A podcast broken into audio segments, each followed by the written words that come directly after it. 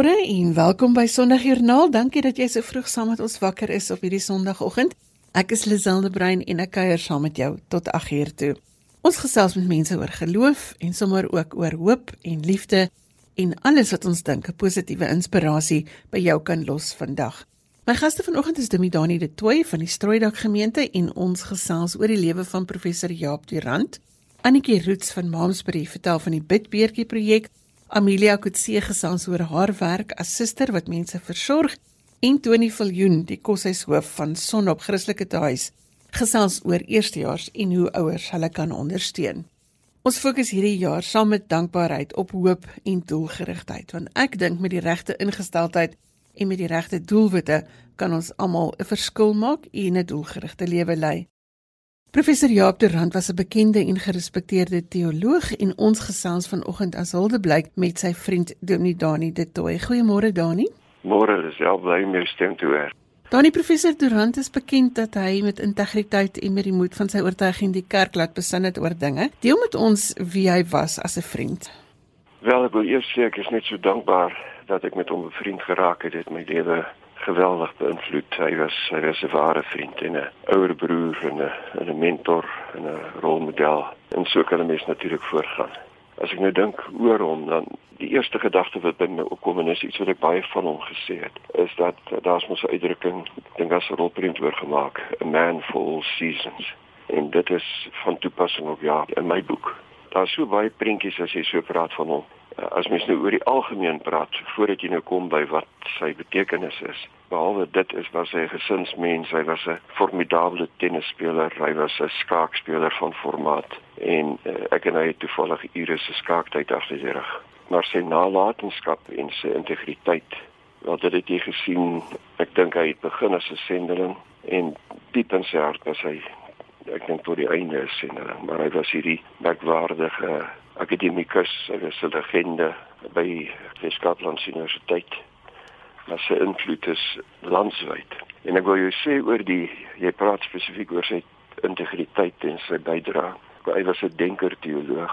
En waar as ek nou sê teoloog is ek bang mense dink nou eh, 'n uh, kenner van teologie, maar uh, Willie Jonker wat ook al ongelukkig oorlede is, het eendag gesê 'n teoloog is iemand wat lei aan God en aan die wêreld. Met ander woorde is iemand wat probeer praat, hy loop die risiko om oor God te praat. Maar aan die ander kant lei hy ook aan die wêreld. Hy glo die teologie en jou geloof kan jy nie losmaak van die wêreld en jou alledaagse lewe nie. En dit het in veral in sy skrywes baie na vore gekom. Hy het met pad langs geskrywe, eerlik, gemaklik. So dit was lekker om sy goed te lees, maar ook om sy optrede, sy lewe te sien. Hy het nogal heelwat boeke geskryf. Waaroor het hy geskryf? Wat was sy fokus? Jo, uh as jy sê heel wat dan dan stem ek saam, is 'n merkwaardige omvang.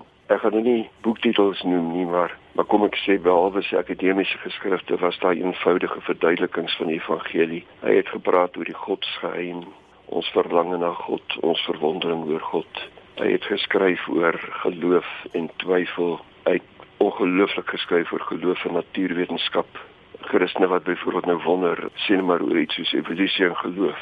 Kan maar sy boek wat hy oor evolusie en wetenskap en geloof geskryf het, gaan lees en en dit maak jou baie vry. Jy ontdek daar's nie 'n botsing vir hom. Behoort ook nie vir ons te wees tussen wetenskap en geloof nie. Maar ek ek dink ek moet jou die drie temas noem wat hy die meeste oor geskryf het en dit is die eenheid van die kerk en die tweede een is versoening tussen mense en die derde is dat geregtigheid sal geskied. Nou as 'n mens dit sê, dan kom jy agter uiteindelik uit hierdie drie temas het hy een van die belangrikste protesstemme geword in die kerk. Uh hy hy was in opstand teen onreg en teen verdeeldheid en teen die gedagte dat mense onverzoenbaar is. Ek ek dink ek wil net iets bysit as jy nie omgee nie veral oor die geregtigheid. As ek aan Jaap dink, het ek altyd gedink aan die saligsprekinge van Jesus waar hy sê gelukkig is die wat honger en dors na die geregtigheid. Hulle sal versadig word. Uh en en gelukkig is die wat vervolg word ter wille van geregtigheid. En, en dit is hoe Jaap geleef het. Hy as daar onreg plaasvind, kon hy nooit ander pad kyk nie. Hy Jaap was oortuig dat Jesus se volgelinge moet die saak opneem vir armes en regloses vir mense wat uitgesluit word. Maar hierdie hele passie van Jaap dink ek het uh, as ek dit mag sê het hom ook sorge gebring want mense het nie altyd gehou van sy duidelike skerp taal hieroor nie. As ek sê skerp bedoel ek dit nie in 'n negatiewe sin nie. Ek bedoel hy het uit die waarheid gepraat al het hy dit op 'n sagte manier ook gedoen. Maar dit het hom tog vreemd gemaak. 'n Ander ek het nou gesê uh, a man for all seasons. 'n Ander uh, quotasie wat ek altyd op Jaap van toepassing gemaak het is NP van Wykelou wat uit Raka praat en dan sê hy of in Raka praat die wat skoonheid en hoogheid dra as las en ver verlange is 'n vreemde ras en bloot aan veel gevaar. Nou dit wil ek van Jaap sê, hy het skoonheid en hoogheid gedra as 'n las en 'n verlange. Daarom was hy ook dikwels in veel gevaar. Jy verwys na sy skerp taal. Hy was ook by die Bellaar beleidnes betrokke. Ja, en en kyk Jaap het geweldig baie geskryf, maar ek dink van alles wat Jaap geskryf het, ehm um, was niks meer belangrik as as toe Jaap en Dirkie Smit oor dit wat in die hart van die kerk leef 'n belydenis geskryf het. Nou ek het nou nou nou die woord skerp gebruik. Ek dink nie dit is so so 'n goeie woord nie, want in eh, die, die Bellaar belydenis byvoorbeeld is daar geen skerp taal, maar daar is baie duidelike taal en dat dit 'n belydenis is. Daar's min geskrifte wat die gewig dra van 'n belydenis. En en belydenisvorming is nie iets wat ligtelik gebeur nie. Maar hierdie belydenis het weer gegaan oor die drie sake wat op sy hart was, maar wat ook in die hart van die kerk en van daai synode geleef het. Die eenheid van die kerk, die versoening tussen mense. Die kerk het daar bely dat hierdie goed maak deel uit van die hart van die evangelie. Jy kan nie ligtelik daar daarmee omgaan nie. Die Beller belydenis het vir hom ook sekere gevolge gehad. Ja, ek dink die die manier waarop die Beller belydenis ontvang is is uh, baie betekenisvol en miskien ook tekenend van ag van ons van ons hele land se se verhaal. Aan die een kant is dit geweldig positief ontvang dat dit baie mense getroos en bemoedig want belydenis lê diep in jou lewe en en hulle het gesê maar ons kan dit ook bely. Ons wil dit ook bely. As mens die belydenis lees, baie mense het dit nog nie gelees nie, maar as jy dit lees, dan dan sien jy dit is maar doodgewoon 'n suiwer belydenis wat glad nie in stryd is met een van ons ander belydenisskrifte nie wat dit in 'n sin onderskryf maar ook sê as jy uh, Christus bely as die Here dan moet hierdie drie dinge vir jou of verskeidenheid dinge belangrik wees. So baie mense het het het al is dit deur wens geskryf het dit gesien as as 'n godsgeskenk. Maar nou aan die ander kant was die belydenis ook kan ek sê ongewild by baie en dit is 'n hele groei proses. Jy moet eintlik eers leer die belydenis oor en oor lees voor voor jy kan kom te sê maar ek ek hoef nie daarvoor nie te sê nie. Ek kan dit regtig as Christen omhels. Maar een van die as ek nou 'n negatiewe gevolg kan noem is dat Jaap het sy bevoegdheid om in die NG Kerk beroep te word. Hy dit verloor en baie daaroor gekla. Hy self het het omtrent niks daaroor gesê nie. Maar maar nou die storie het daar 'n gelukkige einde. Hy het sy bevoegdheid terugontvang van die kerk. Maar wat nou sleg is dit het 38 jaar gevat voordat hy dit terugontvang het. En ek is net bly dat dit gebeur toe hy nog in sy vleuer was en dit kon waardeer en dit kon geniet. As ons tog maar net die toekoms kan insien. Danie, ons kan nie die onderhoud klaar maak voordat ek vra waarvoor jy dankbaar nie. Wel, ons het nou gepraat oor Jaap, so as ek nou oor dankbaarheid praat, kan ek jou nie van al die ander dinge vertel waarvoor ek dankbaar is in my lewe nie. So ek ek sal liewer maar net sê ek is dankbaar dat ek Jaap 'n vriend kon noem. En en dit is iets wat ek koester. Sy mensie, sy moedigheid, sy dapperheid. En ek is dankbaar vir die boodskap van sy lewe en ek is dankbaar dat ek vas vas weet dat die dood onlangs van Jaap kan nie die boodskap van sy lewe uitwis nie. Dit dit dit bly daar en en ons kan dit nog steeds uh ontvang. En wat gee vir jou hoop, Dani? Nou wonder ek wie kan dit kan losmaak van Jaap, maar nou, omdat ons oor hom praat, wat wil ek liewer nie. Ehm um, ek dink nou aan Jaap het 'n preekbundel uitgegee uh een keer en dit is in drie dele verdeel. Die een eerste deel vir klomp preke oor eenheid toe klomp oor versoening, toe klomp oor geregtigheid, maar toe voeg hy 'n vierde een by, 'n klomp preke oor hoop. en en uh, ons weet dat dinge is nie reg nie. Daar's nog seker so baie dinge wat verkeerd is, maar maar hy het gesê deur al hierdie goed heen, deur die onreg heen, deur die onversoendheid heen, deur die gebrek aan eenheid heen, is daar altyd hoop. En en uh, uiteindelik het hy in daardie preke gesê die die hoop is geleë nie in onsself nie, maar het 'n een wonderlike preek gemaak oor die teks my tye is in u hand. En en dit gee my hoop dat ons nie net op onsself aangewese is nie. Al was dit sodat Jaap 'n passie daarvoor gehad het dat ons geloof in die praktyk moet kom het hy nog elke keer gesê ek ek gee myself oor in u hand. Nou ja dit gee vir my vir my hoop dat iemand deur alles heen met soveel terugslag met hoop kan kyk en, en ek hoop ek hoop dit help my om ook met hoop te kyk. En so gesels Dani Dani de Tooi, vriend van professor Jaap Durant wat verlede week begrawe is. Dani baie dankie vir die saamgesels. Dit was 'n groot plesier, dankie. Mm -hmm.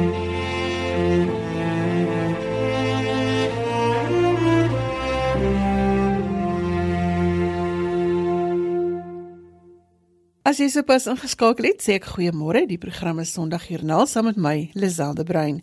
Ek herinner graag vanoggend dat jy nooit jou vermoë moet onderskat om jou lewe in 'n nuwe rigting te stuur nie en om miskien 'n verskil in iemand anders se lewe te maak nie. Laat weet vir my wat jou doelwit is die jaar al is dit net om een ding ten goeie te verander. Die nommer is 45889. Amelia Kutse woon in Jeffreys Bay en sy het soos baie mediese praktisyns 'n besigheid op die been gebring wat tuisversorging doen en ons gesels vanoggend met haar oor haar geloofspad. Goeiemôre Amelia. Môre Lisel, baie dankie vir die voorreg.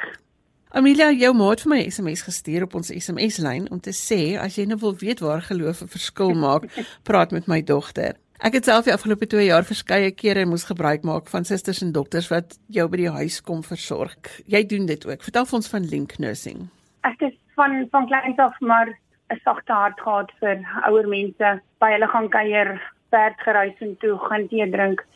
So ek ek dink ek het 'n vaardigheid ook om met hulle te kommunikeer en hulle probleempies te probeer oplos en vir hulle goed te wees. So ek het um, Dit is baie toe getrek, my ouers met Dina toe getrek. Ek het gesukkel om Pretoria. Ek het altyd gevoel ek het 'n groter doel en roeping nooit regtig dink ek vervulling gevind daar nie en toe dat Dina toe gekom. En ek het hierso rondom bond gewerk en ek het by die hospitaal gewerk en ek was elke dag in die moeilikheid omdat ek ekstra goed gedoen het, meer moeite gedoen het, omgegee het 24 uur en my af daar terug gegaan het hospitaal toe mense huis toe gevat het En toe het hierdie gevoel en ding in my hart begin groei dat ek tuisversorging wil begin doen omdat daar so groot behoefte hier was.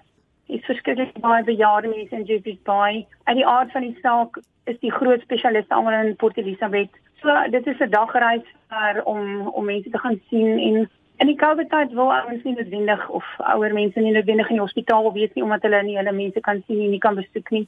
So die behoefte in die COVID tyd was natuurlik ook groter as gewoonlik dat mense iemand by die huis kan versorg en hulle baie hulle mense is en en so aan. So ons werk het nie opgehou nie. Ons werk het verdubbel in COVID tyd omdat ek ek het ek het so 'n groepie van my versorgers by een gekry wat nie bang was vir die virus nie, wat self siek was, wat kans gesien het om COVID mense te versorg by die huis en ons het dit gedoen. Ek het uh, ons groepie die COVID crackers genoem. Dit was so 10, 12 versorgers wat ek so om die beurt twee weekliks ingeboek het by mense by hulle huis wat vir hulle gesorg het, kosies gemaak het, suurstof gemonitor het, 'n saturasielesings geneem het, vir my die 3D gegee het, vir die dokters se deur gegee het. So ons het regtig baie 'n baie noodsaaklike diens gelewer in die dorp wat nie andersins sou wees nie.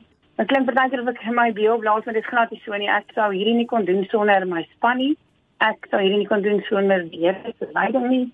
Ek dink nie enige verpleegkundige daar's natuurlik baie wat dalk geloofloos deur die lewe gaan maar ek dink nie mens kan hierdie werk doen sonder dat jy gelowig is. Kan nou nie anders as om te vra watter rol speel geloof in jou lewe nie. Weet jy, as ek moet besluit wie moet na wie kyk of watter versorger moet ek by watter pasiënt in 'n intimiteit van 'n huis opset met badkamer, slaapkamer, kombuis, daai intieme versorging dit moet 'n pasmaat wees vir iemand. Dit moet 'n versorger wees wat inpas in 'n huis en jy kan dit net eenvoudig impulsief doen of jy kan bid oor dit. Ek het glo nie ek het al ooit een van my versorgers geplaas sonder dat die Here vir my gewys het wat is die regte besluit, wie is die regte persoon nie. Ek kan nie hierdie werk doen sonder dat ek gelowig is nie, ek kan nie. Ek kan nie langs 'n siekbed staan en iemand bemoedig en troos sonder dat ek weet daar's 'n God wat beskik oor lewe en dood. Ek kan dit nie doen nie. Jy kan nie vir iemand sê die Here is in beheer van alles en ek natuurlik is daar baie leefwoorde en baie klisjées en en ons almal doen dit en gebruik dit. Maar jy kan nie regtig iemand troos as jy nie gelowige mens is nie. Jy kan nie sê ons aardse tentwoningkie word opgebreek en die die leiding is verby en daai goed as jy nie dit diep gewortel glo nie. Kan nie. Ek kan hierdie werk doen en elke dag opstaan en ek het soos byvoorbeeld hierdie laaste 2-3 weke 7 of 8 pasiëntjies gehad wat oorlede is.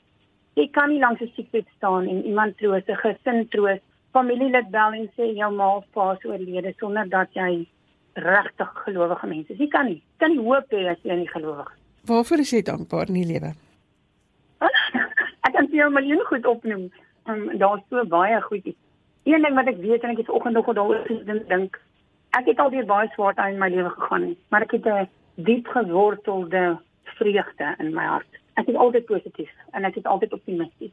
Dit kom ook van die Here af. Ek weet mense kry mense wat gelowig is en depressief is, maar dis 'n gawe dink ek. En dit is 'n vaardigheid, dis 'n regtig een van my my waarvoor ek baie dankbaar is. Dat ek altyd positief is, dat ek die beste of die mooi in dinge sien altyd.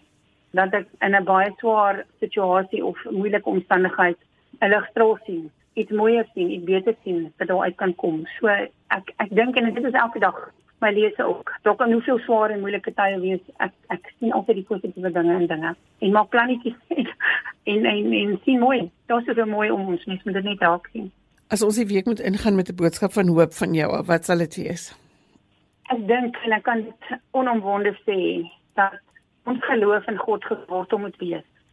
Dat ons elke oggend moet opstaan en dit is 'n nuwe dag, 'n nuwe kans dat ons dat die kindness waarvan mense sê kindness die goedheid die die gawe wat ons het om vir 'n ander ou die lewe beter te maak dat ons dit elke dag toepas. Ons is nie hier vir ons eie onthaalwe nie. Ons is hier om mekaar te dien en vir mekaar goed te wees.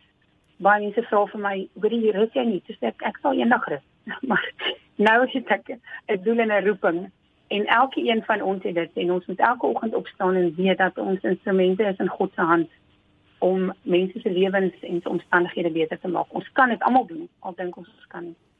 Ons moet daar wees vir mekaar, so sê Amelia, skutsie van Jeffrey's Bay en sy het met ons gesels oor hulle bediening in tuisversorging. Amelia, baie dankie vir die saamgesels vanoggend. Wel, dankie, dankie vir die geleentheid. Lekker dag.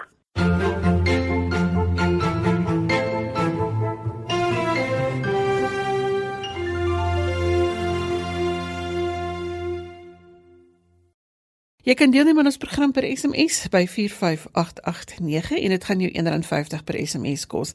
En jy kan ook saamgesels op Facebook. As jy DStv het, kan jy ons luister op audiokanaal 813 en jy kan ons ook kry op die internet by rsg.co.za. Tony Viljoen is die koshuishoof by Sonop Christelike Huis by Tikkies in Pretoria en daar's heelwat luisteraars wat se kinders op pad is koshuis toe of wat reeds daar is en daarom gesels ons vanoggend 'n bietjie oor die wat en die hoe en die waar as dit by die koshuislewe kom. Goeiemôre Tony. Lisel, goeiemôre en ook goeiemôre aan die luisteraars. Dis baie lekker om so in hierdie oggenduur so 'n paar gedagtes met julle te deel. Tony, dis nie maklik vir enige ouer om sy kind te gaan aflaai weg van die huis af nie. Wat is die praktiese dinge waarop ouers moet let om te help stuur aan hulle kind se besluite sonder om voorskrifklik te wees? Lisel, ja, ek antwoord graag daarop, maar ek wil dalk net in leiding net in 'n enkele sin sê dat ehm uh, alhoewel ek nou self ook 'n predikant van beroep is, is ek glad nie 'n studente leraar as ons bietjie later oor die studente gemeentes gaan praat nie. Maar soos jy reg sê, ek is 'n koshuisvader hier by 'n koshuis en ek het al die voorreg om vir 16 jaar hier betrokke te wees in die lief en die leed elke jaar van 160 jong manne. So weet jy as ek dink wat wat ouers in gedagte moet hou self is veral eerstejaarse ouers is die gedagte dat jy weet die leefwêreld van die studente maak nie saak of watter kampus dit is nie. Dit verskil hemelsbreed van dit waarin die kinders op skool gewoond was en Ek het gedink om net so 'n paar aspekte vir die ouers mee te deel en dan kan mens dit daarvandaan af vat want hierdie aspekte wat ek nou wil noem, weet jy, dit is alles dinge wat veral vir 'n eerste jaar baie onsekerheid bring. Uh baie vrae in hulle harte laat ontstaan en omdat die kinders of die studente onseker is, kom daar eintlik onrustigheid by die ouers en ook 'n onsekerheid by hulle van hoe moet hulle die kinders dan nou help om hulle besluite te neem. Weet jy wat die studente se lewe self betref, wil ek maar net sê, ek wil dit deel in die leerwêreld en die leefwêreld. Dat die leerwêreld is bloot maar net dat ouers moet in gedagte hou dat die die akademie waarmee die studente nou te doen kry, is baie meer as wat hulle op skool die kinders gehad het. Weet jy, dit is baie onpersoonlik. Dis klasse van 4, 500 studente. Daar's geen persoonlike verhouding nie tussen die student en die dosent nie. Die lesinglokale is baie groot en dit alles bring 'n onsekerheid by by baie van ons eerstejaars. Die leefwêreld weer verskil ook hemelsbreed van van wat die kinders op skool gehad het. Jy weet, deesdae is die koshuise of die woonstelle of die kommunes op baie groter skaal veel rassig. Dit is multikultureel, dit is veeltaalig, dit is interdenominaal. Hierdie tipe dinge bring die onsekerheid by baie studente. En ek dink daarom as ek nou hierdie prentjie geskets het, kan ek nou vir die ouers 'n bietjie leiding gee van hoe hulle die kinders wil ek amper sê van die huis af kan bestuur. Jy kan asseblief. Ja vir my is dit baie baie belangrik dat ouers in hierdie dae, jy weet, hulle doen baie voorbereiding um, om die kinders universiteit toe te bring. En natuurlik as hulle die kinders on, na die universiteit toe bring, dan kom daar onmiddellik die beeldspraak by 'n mens op van Deuteronomium 32 van die arend wat haar kleintjies uitskop. Maar dan sê hulle ook daarin in in Deuteronomium, jy weet dat sy haar vlerke oopsprei en hulle nog vang as hulle nie gereed is nie. Die probleem met ouers wat hulle kinders hier kom aflaai is dat daar's nie meer vlerke wat hulle kan ondersteun nie. En daarom is dit vir my so belangrik dat en dit is wat ek altyd vir die ouers van van my koshuis ook sê dat die studentebediening, die studentegemeente maak nie saak van watter denominasie nie. Dit is vir my die vangnet en dit is vir my die die ondersteuning wat hulle het en waardeur die ouers kan werk sou hulle kinders een of ander krisis het. Weet jy eh, 'n predikant het destyds op die platteland 'n baie mooi ehm uh, noem dit maar 'n getuienis geskrywe en hy het gesê dat jy weet die jong mense wat hy op sy plattelandse gemeente universiteit toe laat kom het, hulle worstel maar met doodgewone goed soos liefdesprobleme, druk van studie, die vrees vir mislukking wat hulle vaspen, partykeer het hulle geloofsvrae en vir 'n ouer van die platteland om om sy kind deur daardie krisis te stuur is eintlik 'n saak van onmoontlikheid. En dit is vir my die wonder van die studentebediening. En ek wil weer sê self ouers, dit maak nie saak aan watter kerkgenootskap jy behoort nie. By meeste van jou universiteite vind jy baie besonderse studente gemeenskappe met besondere studente leraars. En daarom wil ek eintlik net pleit by ons ouers dat daar 'n nouer band moet kom tussen die ouer op die platteland, die ouer met die onrus en die onsekerheid en dan hierdie vangnet van 'n gemeente wat hulle hier het van 'n dominee of 'n pastoor wat hulle kinders in daardie moeilike tye kan bystaan. Waarvoor is jy dankbaar in lewe, Tony? Jo, weet jy, Lisel, daar's natuurlik baie dinge om voor dankbaar te wees, maar as ons nou vanmôre oor oor hierdie studente praat wat universiteite toe kom en die onsekerhede wat hulle alles ervaar, dan wil ek vir jou sê as iemand wat elke dag met studente werk, uh, is ek verskriklik dankbaar en ek is die Here dankbaar dat daar wel hierdie studente gemeentes by universiteite is. Ek is ook dankbaar vir die predikante, vir die pastore, vir die jeugleiers wat 'n hartklop het vir hierdie onsekere jong mense wat nou uit die ouer huis weg is en 'n nuwe wêreld by die universiteit begin. Deesdae draai baie van ons gesprekke en ek bedoel nie net draai die gesprekke nie, ek bedoel sommer om die etenstafel ook rondom ons geloofshelde en wat ons by hulle sou wou leer. Saam met wie wil jy gaan koffie drink as ons die tyd sou kon terugdraai? Dit sou lekker wees om die tyd te kon terugdraai natuurlik. Maar kan ek maar meer as een gas nooi, sal dit met jou reg wees? Ja, daar's baie plek in ons tafel. Ja. Jy kan sê wie jy wil. Goed, ek sal die rekening betaal, maar ek wil graag vier mense nooi, Lisel, terwyl ons nou vanmôre oor die jong mense praat en die veranderde leefwêreld waarin hulle hulle in begeef Weet jy en ek sal graag vir Daniel en dan sy drie vriende vir Ananya, vir Misael en Asaria. Ek sou baie graag saam met hulle om op tafel wil sit en 'n koffietjie drink. Want weet julle self hoekom ek dit sou wil doen is uh, ons praat nou oor hierdie jong mense wat uit die huis uit gaan, wat in 'n vreemde leefwêreld instap.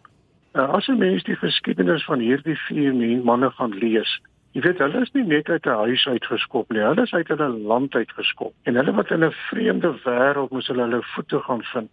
En wat vir my so mooi is van hierdie vier is dat selfs die land, hulle eie mense, dit het hulle rug teen die Here gedraai en en hulle het afgoderry gepleeg en verontreinigingspraktyke gehad. En toe hulle in daai vreemde land kom met al die afgode en al die die vreemde godsdienste, het hierdie vier absoluut vasgestaan in hulle geloof. En dit dit is nog altyd vir my iets waaroor ek my kan verwonder. Hierdie vier jong manne wat so in hulle geloof absoluut absoluut vasgestaan het.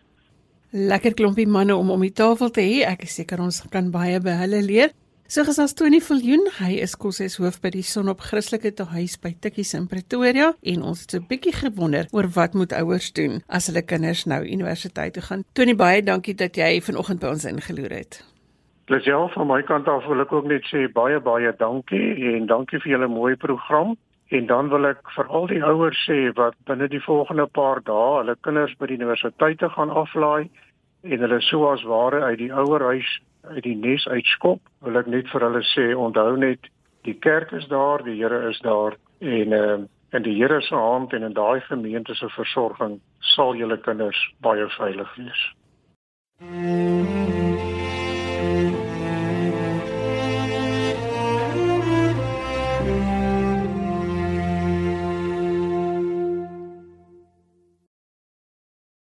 Goeiemôre hier vanuit Kaapstad. Jy luister na Sondagjoernaal en dis gewoonlik waar ons ondersoek instel na hoe mense die lewe aanpak, veral met die fokus op geloof.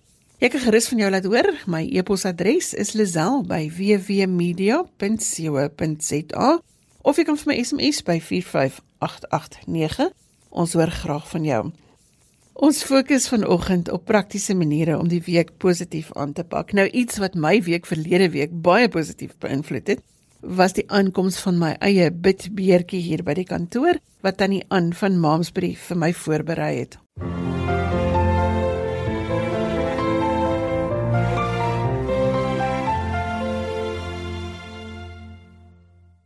Anetjie Roots woon op Maamsbury en sy is 'n krangige breier van bidbeertjies. Aansluit vanoggend by ons aan om te gesels oor hierdie projek. Goeiemôre tannie Ann.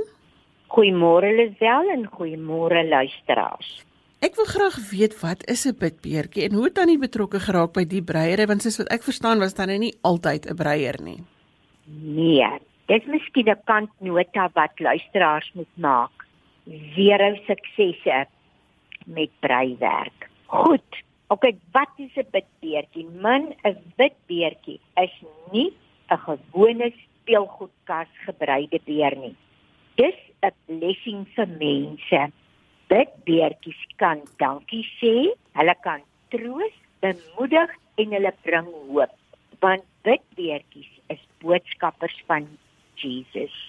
Hulle dra op hulle borsie 'n wapen of 'n badge, ons van praat, 'n lappie waarop staan Jesus loves me. John 3:16. Sure. Ja. 'n Bidbeert is 'n geskenk van 'n groep vroue reg oor Suid-Afrika. Ons noem hulle die Teddy Tannies. 'n Teddy Tannie word deur God geroep om 'n bidbeertjie te brei. Terwyl sy brei, gesels sy met die lewende Here oor die ontvanger se voete, sy bene, sy kop en sy hele lyf. Teddy Tannies maak ook 'n kommitment om gereeld vir die ontvanger van haar wolkind te bid. So roep die Heilige Gees ook bidders wat weer vir Teddy Tannies ondersteun.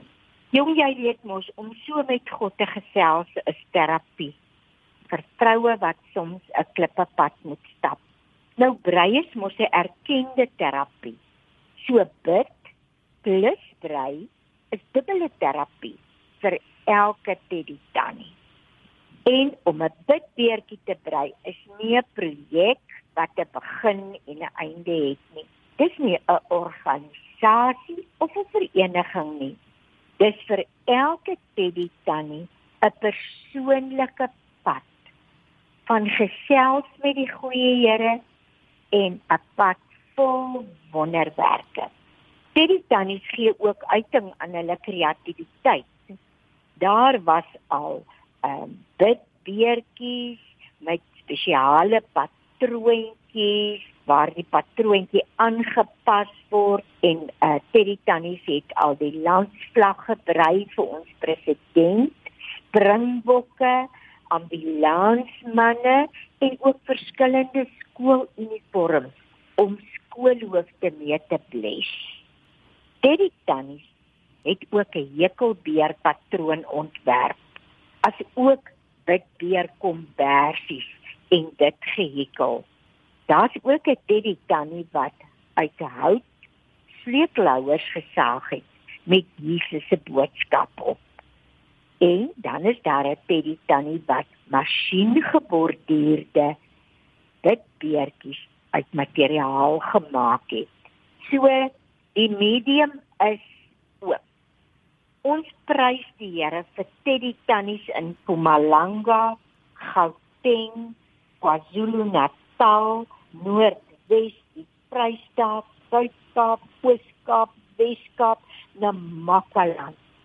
Daar is oral ster tannies wat al bid beere brei en versprei tot eer van God. Nou kon jy vir my vra waar kom die opdrag vandaan? Dis 'n lekker storie. 29 Oktober 2014 kyk ons na kyk net uitsending van Kwela. Die insetsel gaan oor 'n Tygerberg trauma sentrum en die beertjies wat hulle brei. Uit die stoel langs myne kom die voorstel. Hoekom brei jy nie ook beere nie? Maklike antwoord want ek kan nie. Onthou die kantnota. Net hier plan die Heilige Gees die gedagte. Iemand wat ons huis opset ken sal weet dat Piet die brieke in ons huwelik is. Omdat ek 'n weghardlooperd is. Wanneer die Gees vir my inspireer om by 'n opdrag betrokke te raak, het ek nie brieke nie. Ek kan 24/7 daaraan werk sonder om moeg te word. Ek gou nie op nie en ek sleep alles en almal saam. So, as briek soos ek hom noem met 'n voorstel kom weet ek hier soek 'n wonderwerke plek om te gebeur my man soek nie vir my werk nie hy briek die voorstel dat ek moet beere brei totaal vreemd glad nie sy normale gedagtegang nou soek ek bevestiging hoor ek reg verstaan ek reg moet ek beere brei. Ek lees doelgerig Bybel. Ek soek na God se wil. Ek luister intensief en analities na elke sin in die kerk. Hm, ek word niks wyser nie. Dit bly donker. 'n Aanhaling uit my gebedsjoernaal op 12 November 2014 vertel van my verwarde rondpik. En ek vra vir die Here: "Ag Here, hierdie beere moet ek beere brei of nie? Jy weet tog dat ek nie 'n boffel met breiwerk is nie. Here, wat maak ek met die beere? 'n Patroon. Hoe groot? Here moet asseblief nie dat die patroon ingewikkeld wees nie. Maar wat maak ek met die beere? My huis genader aan soos 'n uilhuis lyk, net 'n beerhuis. Praat asseblief hard en duidelik met my. As ek beere brei, en dis nie tot u eer nie, dan brei ek nie een nie. Volgende oggend stap ek in die tuin en my oog vang 'n wit klippie in my klippiebak. En by die kerk gekry. Ek is nie seker van die teks nie. Ek weet dit gaan oor 'n nuwe naam. Miskien antwoord God my oor die beere in die res van die teks. Ek slaan my Bybel oop by Openbaring 2 vers 17. Dis aan die linkerkant van my Bybel. Maar voordat ek die klippie teks kon lees, highlight God vir my aan die regterkant van die Bybel, Openbaring 3 vers 8. En dit word dit beere se roeptek. Kyk, ek weet alles wat julle doen. Kyk, ek het 'n deur voor julle oopgesluit en niemand kan dit weer toesluit. Ek weet dat julle min krag het. Tog het julle aan my boodskap vasgehou en my nie verloon nie. En ek weet ek moet beere brei. Tannie Andes so 'n inspirerende storie van iemand wat die eerste tree gee en wat uitreik en wat vir mense bid. Kan ek gou vra voordat ons afsluit, wat gee vir Tannie hoop in hierdie lewe? Weet jy, ek glo dat elke belofte in die Bybel is waar en werklik. Dis nie 'n storie nie. In Jeremia 29 vers 11 beloof God: "Ek weet wat ek vir julle beplan," sê die Here. Voorspoed en nie teëspoed nie ek wil vir julle 'n toekoms gee. 'n verwagting. Wat is 'n verwagting anders as hoop? Ek weet nie hoe dit werk nie, maar ek weet dat dit werk. Nou ja, as jy nou ooit gewonder het, al gaan jy nie 'n bidbeertjie brei nie, dan het Tannie Aan vanoggend vir ons 'n boodskap gegee om te sê die Here weet wat hy vir jou beplan. Tannie Aan, baie dankie vir die saamgesels vanoggend. Dankie Lisel. Iewers bid iemand vir jou. Is dit nou nie 'n lekker boodskap om mee af te sluit nie? Ek sê dankie aan my gaste, Domidani de Tooi van die Parel, Amelia Kutse van Jeffreys Bay, Tony Viljoen van Pretoria en Annetjie Roots van Mamsbury. Jy kan sonder joernaal kry as 'n pot gooi op die webwerf by rsg.co.za en jy kan dit ook kry by iono.fm. Dis i o n o.fm. Ek nooi jou uit om vir my e-pos te stuur as jy 'n geloostorie of 'n dankbaarheidstorie het wat jy met ons wil deel. My e-posadres is lazel@wwmedia.co.za. Jy kan my ook kry op Instagram by lazel.inspirasie. Tot volgende Sondag vir my Lazel de Bruin en Neil Roo agter die kontroles. Totsiens.